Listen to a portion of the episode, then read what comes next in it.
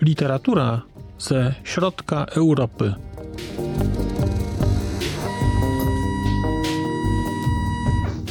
Podcast około książkowy.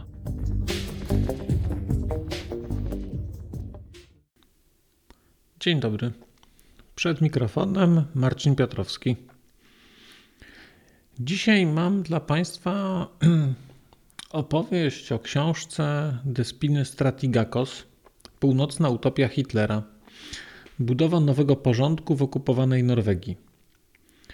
Książce, która ukazała się nakładem wydawnictwa Wielka Litera w 2021 roku. Jest to książka, która, której, o której autorkę już kojarzyłem, kiedy tę książkę sobie kupowałem, więc nie kupowałem jej w ciemno. Kupiłem ją z dwóch powodów. Po pierwsze, znałem, znałem autorkę. Autorka pisała, napisała książkę. Ja miałem okazję czytać książkę Dom Hitlera. Ona, nawet o niej chyba pisałem na swoim blogu w 2017 roku, co pokazuje, jak bardzo chyba jestem stary, bo miałem wrażenie, że pisałem tę recenzję, quasi recenzję wczoraj, a tymczasem okazało się, że to było 5 lat temu. Więc czytałem książkę Dom Hitlera. Wiem, że ukazała się jej książka o kobietach architektkach. I ja ją sobie odpuściłem, tę książkę, ale po lekturze tej północnej utopii chyba do niej też wrócę, bo, bo wydaje mi się, że, że The Stratigatos porusza różne istotne jednak tematy, które mimo, że nie dotyczą mnie bezpośrednio, bo ani nie jestem architektem, ani nie jestem kobietą, to to gdzieś funkcjonuje w ramach jakiejś rzeczywistości i też warto się z tą e, rzeczywistością zmagać. No ale tutaj teraz i, teraz po raz trzeci właściwie to nazwisko mi na, na, na rynku wydawniczym wybrzmiało, więc tę północną utopię Hitlera sobie od razu kupiłem.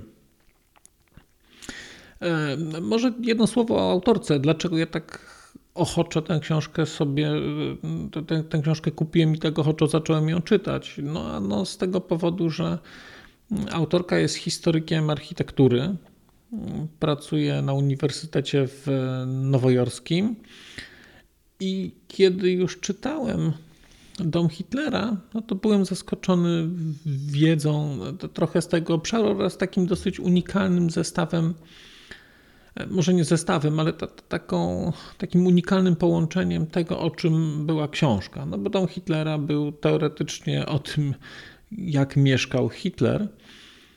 Natomiast to było, to było tylko teoretycznie, bo w praktyce to była książka o historii, może nie o historii, ale o życiu trochę designu w III Rzeszy, o odpowiedzialności projektantów za to, co się robi także o tym, w jaki sposób Niemcy rozliczają się ze swoją przeszłością.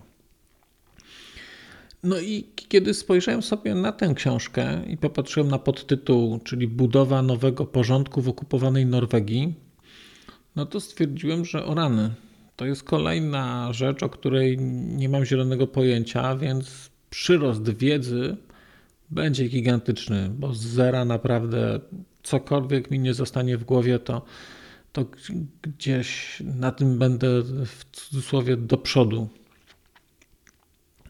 No i oczywiście nie zostało mi dużo, gdyż moja umysł jest chłonny niczym sito, ale jakieś, jakieś elementy się tam odłożyły, a na pewno odłożyło się na tyle dużo, żeby, żeby zostało mi poczucie, że to jest bardzo fajna książka i że nie wiem, czy bardzo popularna, a dla wielu z Państwa może być, może być interesująca.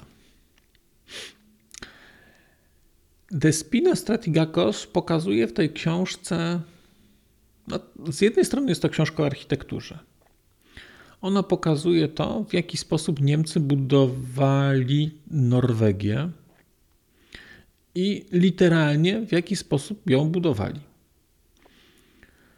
odkryciem gigantycznym dla mnie. Chyba nie, to tak, to, to było największe może, no, ta książka na wielu, wiele rzeczy pokazała mi, tak uświadomiłem sobie je po raz pierwszy. Natomiast chyba tym, co najbardziej mnie zaskoczyło, był fakt, że ze wszystkich krajów europejskich Norwegia była tym krajem, który z II wojny światowej wyszedł zbudowany, tak czysto fizycznie dlatego że Niemcy podejmowali tam sporo y, projektów budowlanych. One nie wszystkie kończyły się. Może i dobrze, że nie wszystkie kończyły się sukcesem, ale mimo wszystko, jak autorka pokazuje na, na takim poziomie netto liczb, to Norwegia po wojnie wyszła, Norwegia wyszła z wojny wzmocniona. E, Zbudowali ją Niemcy, zbudowali, znaczy, no Niemcy to może ją budowali, ale zbudowali ją jeńcy wojenni, zbudowali ją Norwegowie. Jakkolwiek by nie było, kraj, e, dos, krajowi po, po wojnie zostało mnóstwo obiektów, mnóstwo rzeczy. I to jest, e, dla mnie było to zaskoczenie. I tak sobie pomyślałem o tym, że jeszcze, nie wiem, Kilka miesięcy temu gdzieś ze znajomymi rozmawialiśmy trochę o, może nie o norweskim cudzie gospodarczym, tylko bardziej o tym, jak Norwegia skutecznie wykorzystuje posiadane swoje złoża e, te, te ropy naftowej i gazu ziemnego i jak mądrze tym zarządza. A tutaj się okazuje, jeszcze po tej książce się okazuje, że ta Norwegia dostała jeszcze taki naprawdę bardzo unikalny nie chcę powiedzieć, że spadek, no bo to nie jest spadek, ale, ale dostała trochę taki, nie wiem, z całego tego bałaganu drugowojennego dostała taki, taki prezent od losu i pewne rzeczy były łatwiejsze. Oczywiście nikt za nich tego nie zrobił. Oni teraz są tam, gdzie są, dlatego że sami o to zadbali, ale, ale, ale trochę im elementy, takie szczęście im trochę pomogło w jakichś tam niektórych obszarach. Więc to jest pierwsza, pierwszy wątek tej książki, to jest wątek o tym, w jaki sposób Niemcy budowali Norwegię. Drugi wątek tej książki to jest to, co znaczy w ogóle budować kraj. Bo w takim najbardziej, e, najbardziej powszechnym, popularnym rozumieniu, no to budowanie polega na, na fizycznym stawianiu budynków. I jak możemy powiedzieć, że budowali Norwegię, no to możemy sobie wyobrażać, że oni ją budowali fizycznie. Natomiast jak spojrzycie Państwo na podtytuł, to zobaczycie, że tu jest napisane budowa nowego porządku w tym podtytule. No i właśnie, i Niemcy rzeczywiście w Norwegii starali się zbudować nowy porządek. Wiedziałem, albo znane mi były takie, nie wiem, jakieś takie wątki quasi-nordyckie i, i takiej nordyckiej jakiejś e, jakiegoś takiego powinowactwa, które, które Niemcy odczuwali tam w stosunku do wikingów i, i tak dalej, całej tej, tej historii, nazwijmy to rasowej. Natomiast nie zdawałem sobie sprawy, do, do, do, do, kiedy nie przeczytałem tej książki, do jakiego stopnia Niemcy tak fizycznie czy, czy elita niemiecka, czy rządzący Niemcami, do jakiego stopnia oni tak fizycznie lubili Norwegów, tak z, z, zwyczajnie po ludzku lubili Skandynawów, a, a w szczególności Norwegów, do jakiego stopnia uważali ich za swoich, nazwijmy to może nie braci, ale jakichś takich bliskich kuzynów. I do jakiego stopnia oni uważali, że, że oni są im że, że są jakoś pokrewni im rasowo i, i na takim wymiarze też kulturowym. I kiedy czytałem tę książkę, to sobie to dopiero uświadomiłem, bo, bo ja wiedziałem, że tam były oddziały SS, które były z tych krajów skandynawskich. Ja wiedziałem, że, że tam był ten wątek e, kolaboracji, który z kolei, który z kolei ja bardzo przeceniałem i, i postrzegałem rzeczy z perspektywy właśnie jednostki bardziej niż tego, e, niż tego, jak to wyglądało w rzeczywistości. E, no ale na, na końcu gdzieś tam było tak, że ci Niemcy do Norwegów mieli zupełnie inny stosunek. I oni mieli do nich ten inny stosunek nawet wtedy, kiedy, kiedy ten kraj się przeciwko nim buntował, e, nawet wtedy, kiedy czuli, że nie są u siebie. To jednak na takim poziomie najwyższym, takim poziomie politycznym, takich decyzji politycznych, e, wysoko gdzieś tam stawianych, to oni się chyba cały, cały oni się chyba do końca sami oszukiwali, że to są ich bracia i że będą traktować ich jak bracia i będą budować tam nowy porządek. I właśnie ten nowy porządek to jest, e, to jest coś, co jest w tej książce szalenie interesujące. Bo to jest taki nowy porządek na poziomie zarówno przestrzeni, ładu przestrzennego, bo Niemcy rzeczywiście wierzyli, że wpłyną na te norweskie miasta, mieli plan budowy, przebudowy tych miast, mieli plan budowy całkowicie nowych miast, e, nowych, e, czysto niemieckich miast takich. A z drugiej strony i postrzegali trochę tę budowę przestrzeni jako próbę budowy nowego człowieka i trochę wprowadzania nowego ładu, takiego rzeczywiście nowego ładu do, do, do Norwegii. I no, nie wiem, jak to powiedzieć, ale mam wrażenie, że do jakiegoś stopnia spełniali takie marzenia architektów, no, że, że, czy projektantów, szerzej nawet, że projektujemy coś, co będzie designem totalnym. Projektujemy przestrzeń, która pomoże nam wychować nowego człowieka, a ten nowy człowiek będzie funkcjonował właśnie w tej przestrzeni. I, y, no i czy im się to udało? Do jakiegoś stopnia, czy nowego człowieka chyba nie stworzyli, natomiast na pewno udało im się wpłynąć w znaczącym stopniu na, na, na taką fizyczność czy, czy przestrzeń, przynajmniej części Norwegii. Na dobre i na złe im się udało wpłynąć, ale, ale, jakoś, ale jakoś wpłynęli. No i to jest, to jest też książka właśnie o tym, o tym nowym, nowym ładzie, o tym nowym porządku, który gdzieś tam próbowali, który gdzieś tam próbowali zbudować. Wiele się mówi, jeżeli się myśli o Niemczech e, nazistowskich. Mówi się o takiej wewnętrznej sprzeczności tego systemu, o tym, jak on był Mm, jak on był skonstruowany na takim poziomie, że wszystkie decyzje musiał gdzieś tam na końcu podejmować Hitler, e, jak bardzo te wszystkie ministerstwa, agendy, agencje, jak bardzo one były ze sobą skonfliktowane, jaką prowadziły ze sobą wojnę podjazdową, jak starały się każda ciągnąć w swoją stronę takie, takie całkowicie partykularne interesy. E, I na tym tle ta, ta historia norweska się w to idealnie wpisuje, bo to jest historia właśnie o sporze, o to, kto ma budować Norwegię. Czy Norwegię ma odbudować Szper, czy Norwegię ma budować, budować ktoś inny. Do jakiego stopnia ta Norwegia ma być budowana przez Niemców, do jakiego stopnia ma być budowana przez Norwegów. I tutaj jest też bardzo szalenie interesujący wątek takich takiego, takich domów żołnierza, o których zaraz, o których zaraz opowiem.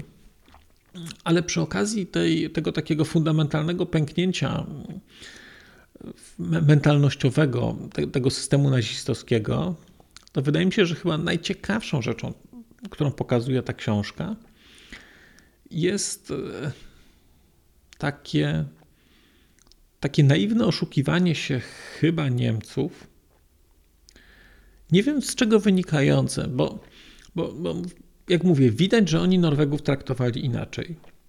Widać, że chcieli ich traktować jak młodszych braci albo jak starszych braci, ale braci, którzy się gdzieś, nie chcę powiedzieć, że, że zagubili, ale którzy są strażnikami pewnego dziedzictwa.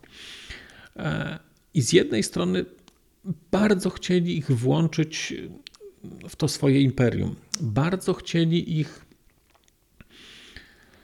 ich e, zainspirować, sprawić, żeby oni byli jak, jak, jak oni. A z drugiej strony, na końcu traktowali ich jednak jak, e, jak traktuje, jak traktuje mm, się, jak, jak były traktowane kolonie jakieś. Jednak byli oni traktowani jako ludzie No, no właśnie, no, no, chyba gorsi, chociaż też nie do końca gorsi. No ale z jednej strony gorsi, ale z drugiej strony jednak nie. Mm, bo na tle takiej relacji w stosunku do, do społeczności, jak popatrzymy na społeczeństwo norweskie czy polskie, no to traktowani byli zupełnie inaczej. Z drugiej strony, z drugiej strony Niemcy, no, gdyby traktowali ich bardzo równo, to pewnie staraliby się wśród nich mieszkać ale jednocześnie, jednocześnie budowali sobie, czy chcieli zbudować tam swoje miasto, które miało być taką perłą niemieckości. No po co budować perłę niemieckości w miejscu, które uważa się, że, że jest y, mentalnie im bliskie? No, no, no właśnie to są te wszystkie takie, takie sprzeczności tego, tego, systemu, tego systemu politycznego i, i, braku przemyślenia pewnych rzeczy. Ja się też wielokrotnie zastanawiam, jak Niemcy mogli wierzyć, że, że, że wygrają wojnę i będą okupować kraj, będą okupować cały kontynent europejski. No de facto ich było tam, nie wiem, kilkadziesiąt milionów, nie wiem, 60 czy tam 50 wtedy, czy tam 80 a, a, a jednak na całym kontynencie jest dużo więcej ludzi. I jak to możliwe? Znaczy, jak się zakłada, że się coś takiego zrobi? Tutaj zakładali, że, że będą mieli kraj, który będzie z ich krajem, z Niemcami bardzo dobrze połączony. Budowali, wydali mnóstwo pieniędzy i, i, i trudu, budując autostrady przez całą Norwegię, może nie przez całą, znaczy plan był na całą, nie dali rady zbudować przez, przez całą Norwegię. Natomiast te autostrady były zaplanowane jako sieć takiego ogólno, ogólnoimperialnego e, systemu dróg. One się wpisywały w to, żeby dało się w, takie, w taką sieć dróg, w takie założenie, żeby dało się z Berlina dojechać do, na północną Norwegię. W, w ramach tego usieci, usieciowiania, takiego łączenia tych części imperium ze sobą, Niemcy budowali kolej e, również na, na naprawdę dalekiej północy. Budowali kolej po to, żeby te wszystkie e, miasta czy, czy okręgi ze sobą, ze sobą połączyć.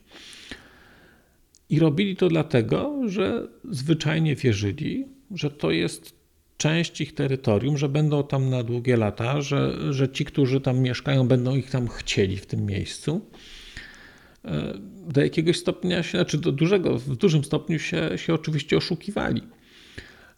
Ale jednak, ale jednak budowali. I, ale jednak traktowali ten kraj inaczej i próbowali, samo się oszukując, e, znaczy nie wiem, czy oni się samo oszukiwali, znaczy oni, finalnie ja tak to oceniam, Natomiast nie wiem, oni chyba tak nie myśleli. Oni chyba nie dostrzegali tej sprzeczności w swoim myśleniu, albo jeżeli ją dostrzegali, to gdzieś ją, nie wiem, maskowali, nie myśleli o niej. Nie wiem, trudno mi powiedzieć. E, wspomniałem tutaj o domach żołnierza. To jest w ogóle, to jest w ogóle pasjonująca historia, która też w tej książce się pojawia. Niemcy utrzymywali w Norwegii bardzo duży, bardzo liczny, liczne wojska. No, z, z, różnych powodów. E, w ogóle służba w Norwegii, no powiedzmy, nie była specjalnie, może z powodów takich czysto pogodowych, jakimś marzeniem wielu żołnierzy, natomiast była to taka no, jak sobie można wyobrazić, lepiej chyba było stacjonować w Norwegii niż w Polsce czy na terenach jakichś podbitych e, Związku Radzieckiego. Więc było tam sporo żołnierzy i Niemcy o tych żołnierzy szalenie dbali.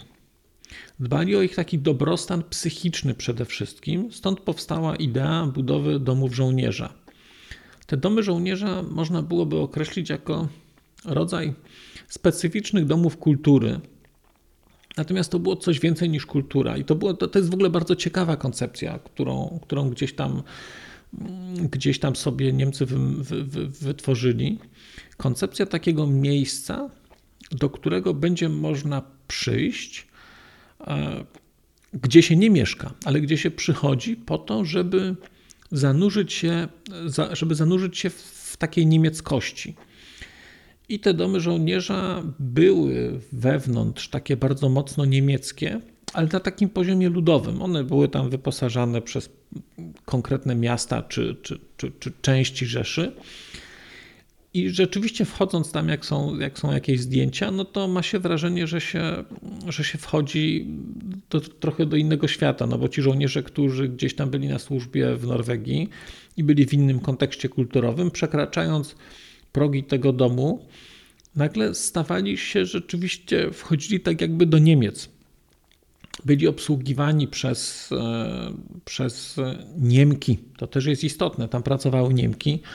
Niemcy nie chcieli się zgodzić na to, żeby pracowały tam, e, żeby pracowali tam Norwegowie czy, czy Norweżki.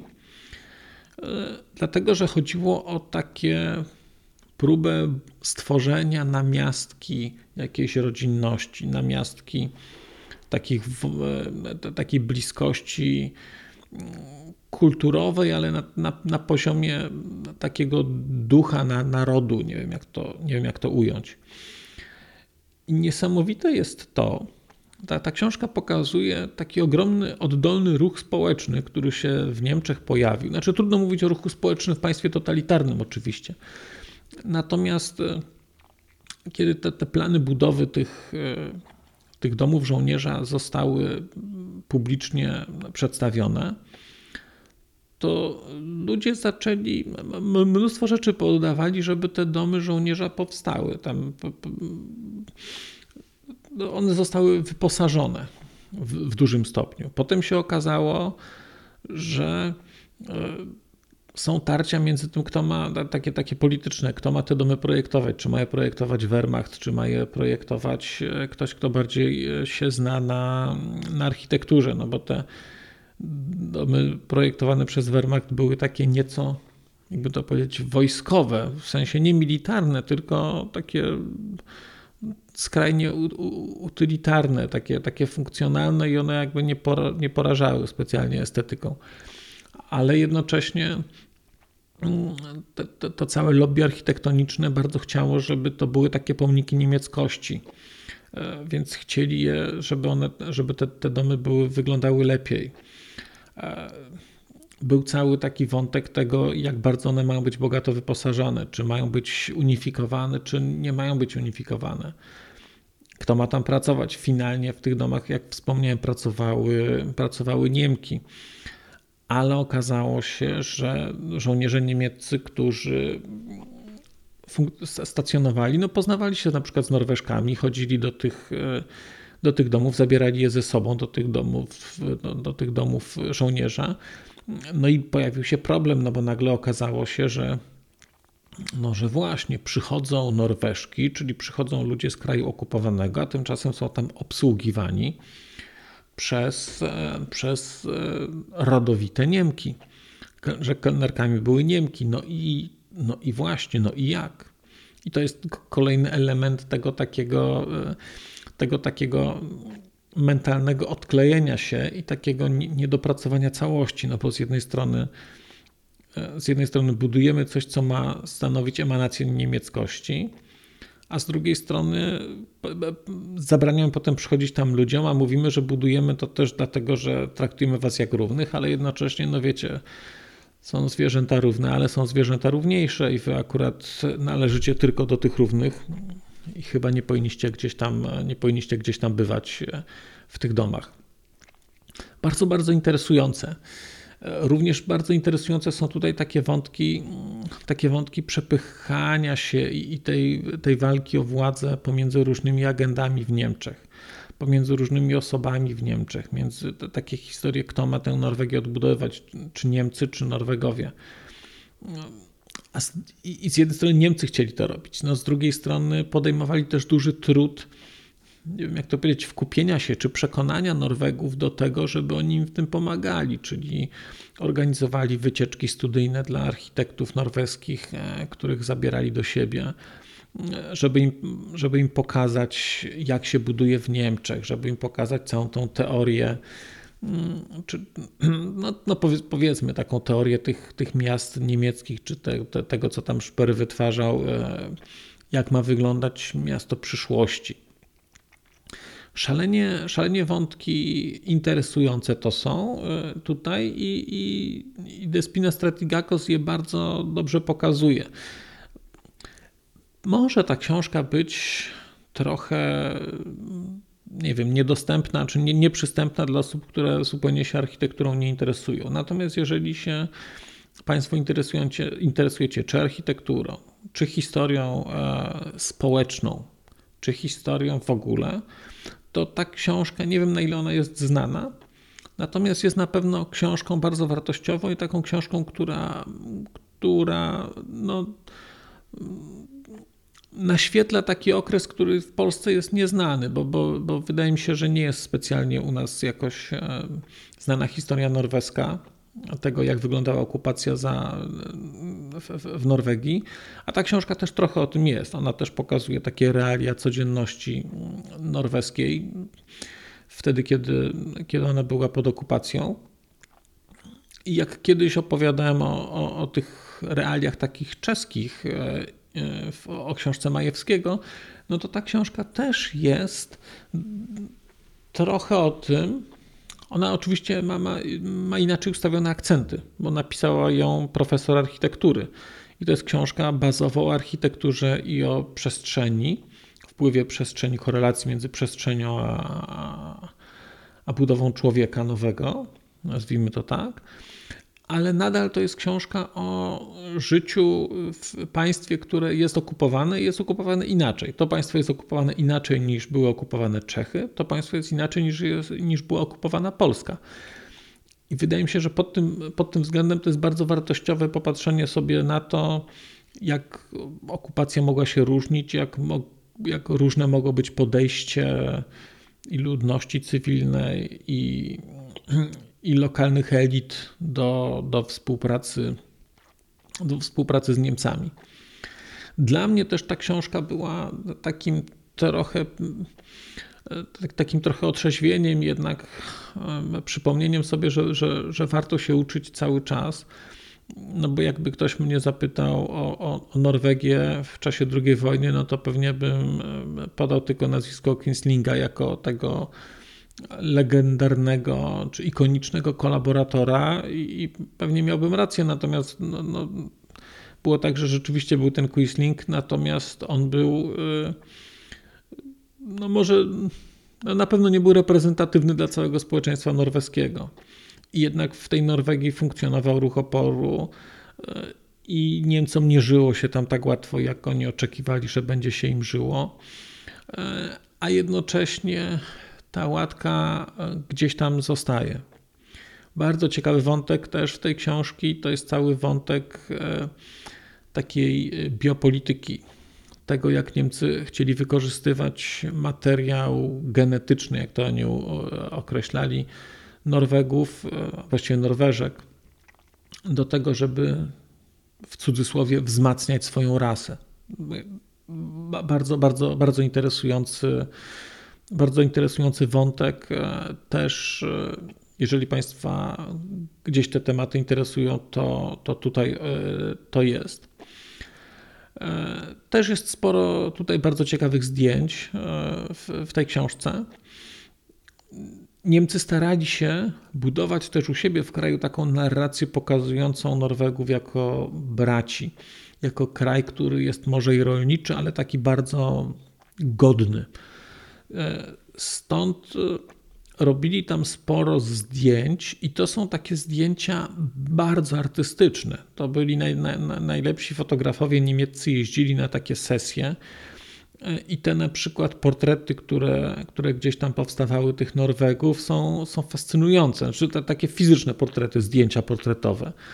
E, takich ludzi zniszczonych trochę, ale tak godnie zniszczonych życiem. No, no, no, to naprawdę tu jest sporo, sporo takich fotografii, takich reprodukcji. E, I tak, i tak sobie myślę, że oj, o, istotny element, o którym zapomniałem, tutaj też jest pokazany taki, taki, taki miesięcznik, mm, który się ukazywał w Norwegii. To się nazywa chyba Deutsche, coś tam. E, nie pamiętam w tej chwili dokładnie, nie znam niemieckiego niestety ale taki miesięcznik dla Niemców tam mieszkających, czy dla Norwegów też również, którzy pewnie chcieliby się czegoś dowiedzieć o Niemczech. I ja byłem zaskoczony taką jakością projektu wizualnego tego. Znaczy to, to jest coś, co już się pojawiało u, u autorki we wcześniejszych książkach, kiedy ona pokazywała, jak bardzo Hitler kiedy chciał i kiedy, jak, jak bardzo był otwarty na pewne takie rzeczy związane z nowoczesnym projektowaniem, jak pozwalał do pewnego stopnia kształtować swój wizerunek poprzez bardzo współczesne formy. Tak, tutaj też widać te, te rzeczy, które tutaj są pokazane, są bardzo dobrze zaprojektowane od strony takiej wizualnej, bardzo nowoczesne i no, robią wrażenie do tej pory. Despina Stratigakos, Północna Utopia Hitlera. E, bardzo Państwu tę książkę polecam. A ja tymczasem się żegnam. Bardzo dziękuję za to, że dotrwali Państwo do końca, e, do, do końca tej audycji. Do usłyszenia. Przez mikrofon mówił do Państwa Marcin Piotrowski. A już zupełnie na koniec powiem, że skoro wysłuchaliście Państwo tego odcinka, to w jego opisie znajdziecie link do serwisu YouTube. W wersji YouTube'owej e, jest miejsce na skomentowanie go. To jest takie miejsce, gdzie można komentować ten odcinek, rozmawiać, zadawać pytania, wymieniać się spostrzeżeniami, do czego Państwa bardzo zachęcam, gdyż udało się już na tym YouTubie zgromadzić trochę bardzo ciekawych osób, bardzo ciekawych komentarzy i trochę stworzyć taką społeczność ludzi rozmawiających o książkach. Też na koniec, zupełnie na koniec, e, poproszę Państwa o wystawienie oceny mi w ramach e, tych platform podcastowych, na których Państwo tego odcinka wysłuchaliście. I nieważne jaka ta ocena będzie, istotne dla mnie po prostu, że będzie. Tymczasem się żegnam już naprawdę i do usłyszenia za czas jakiś.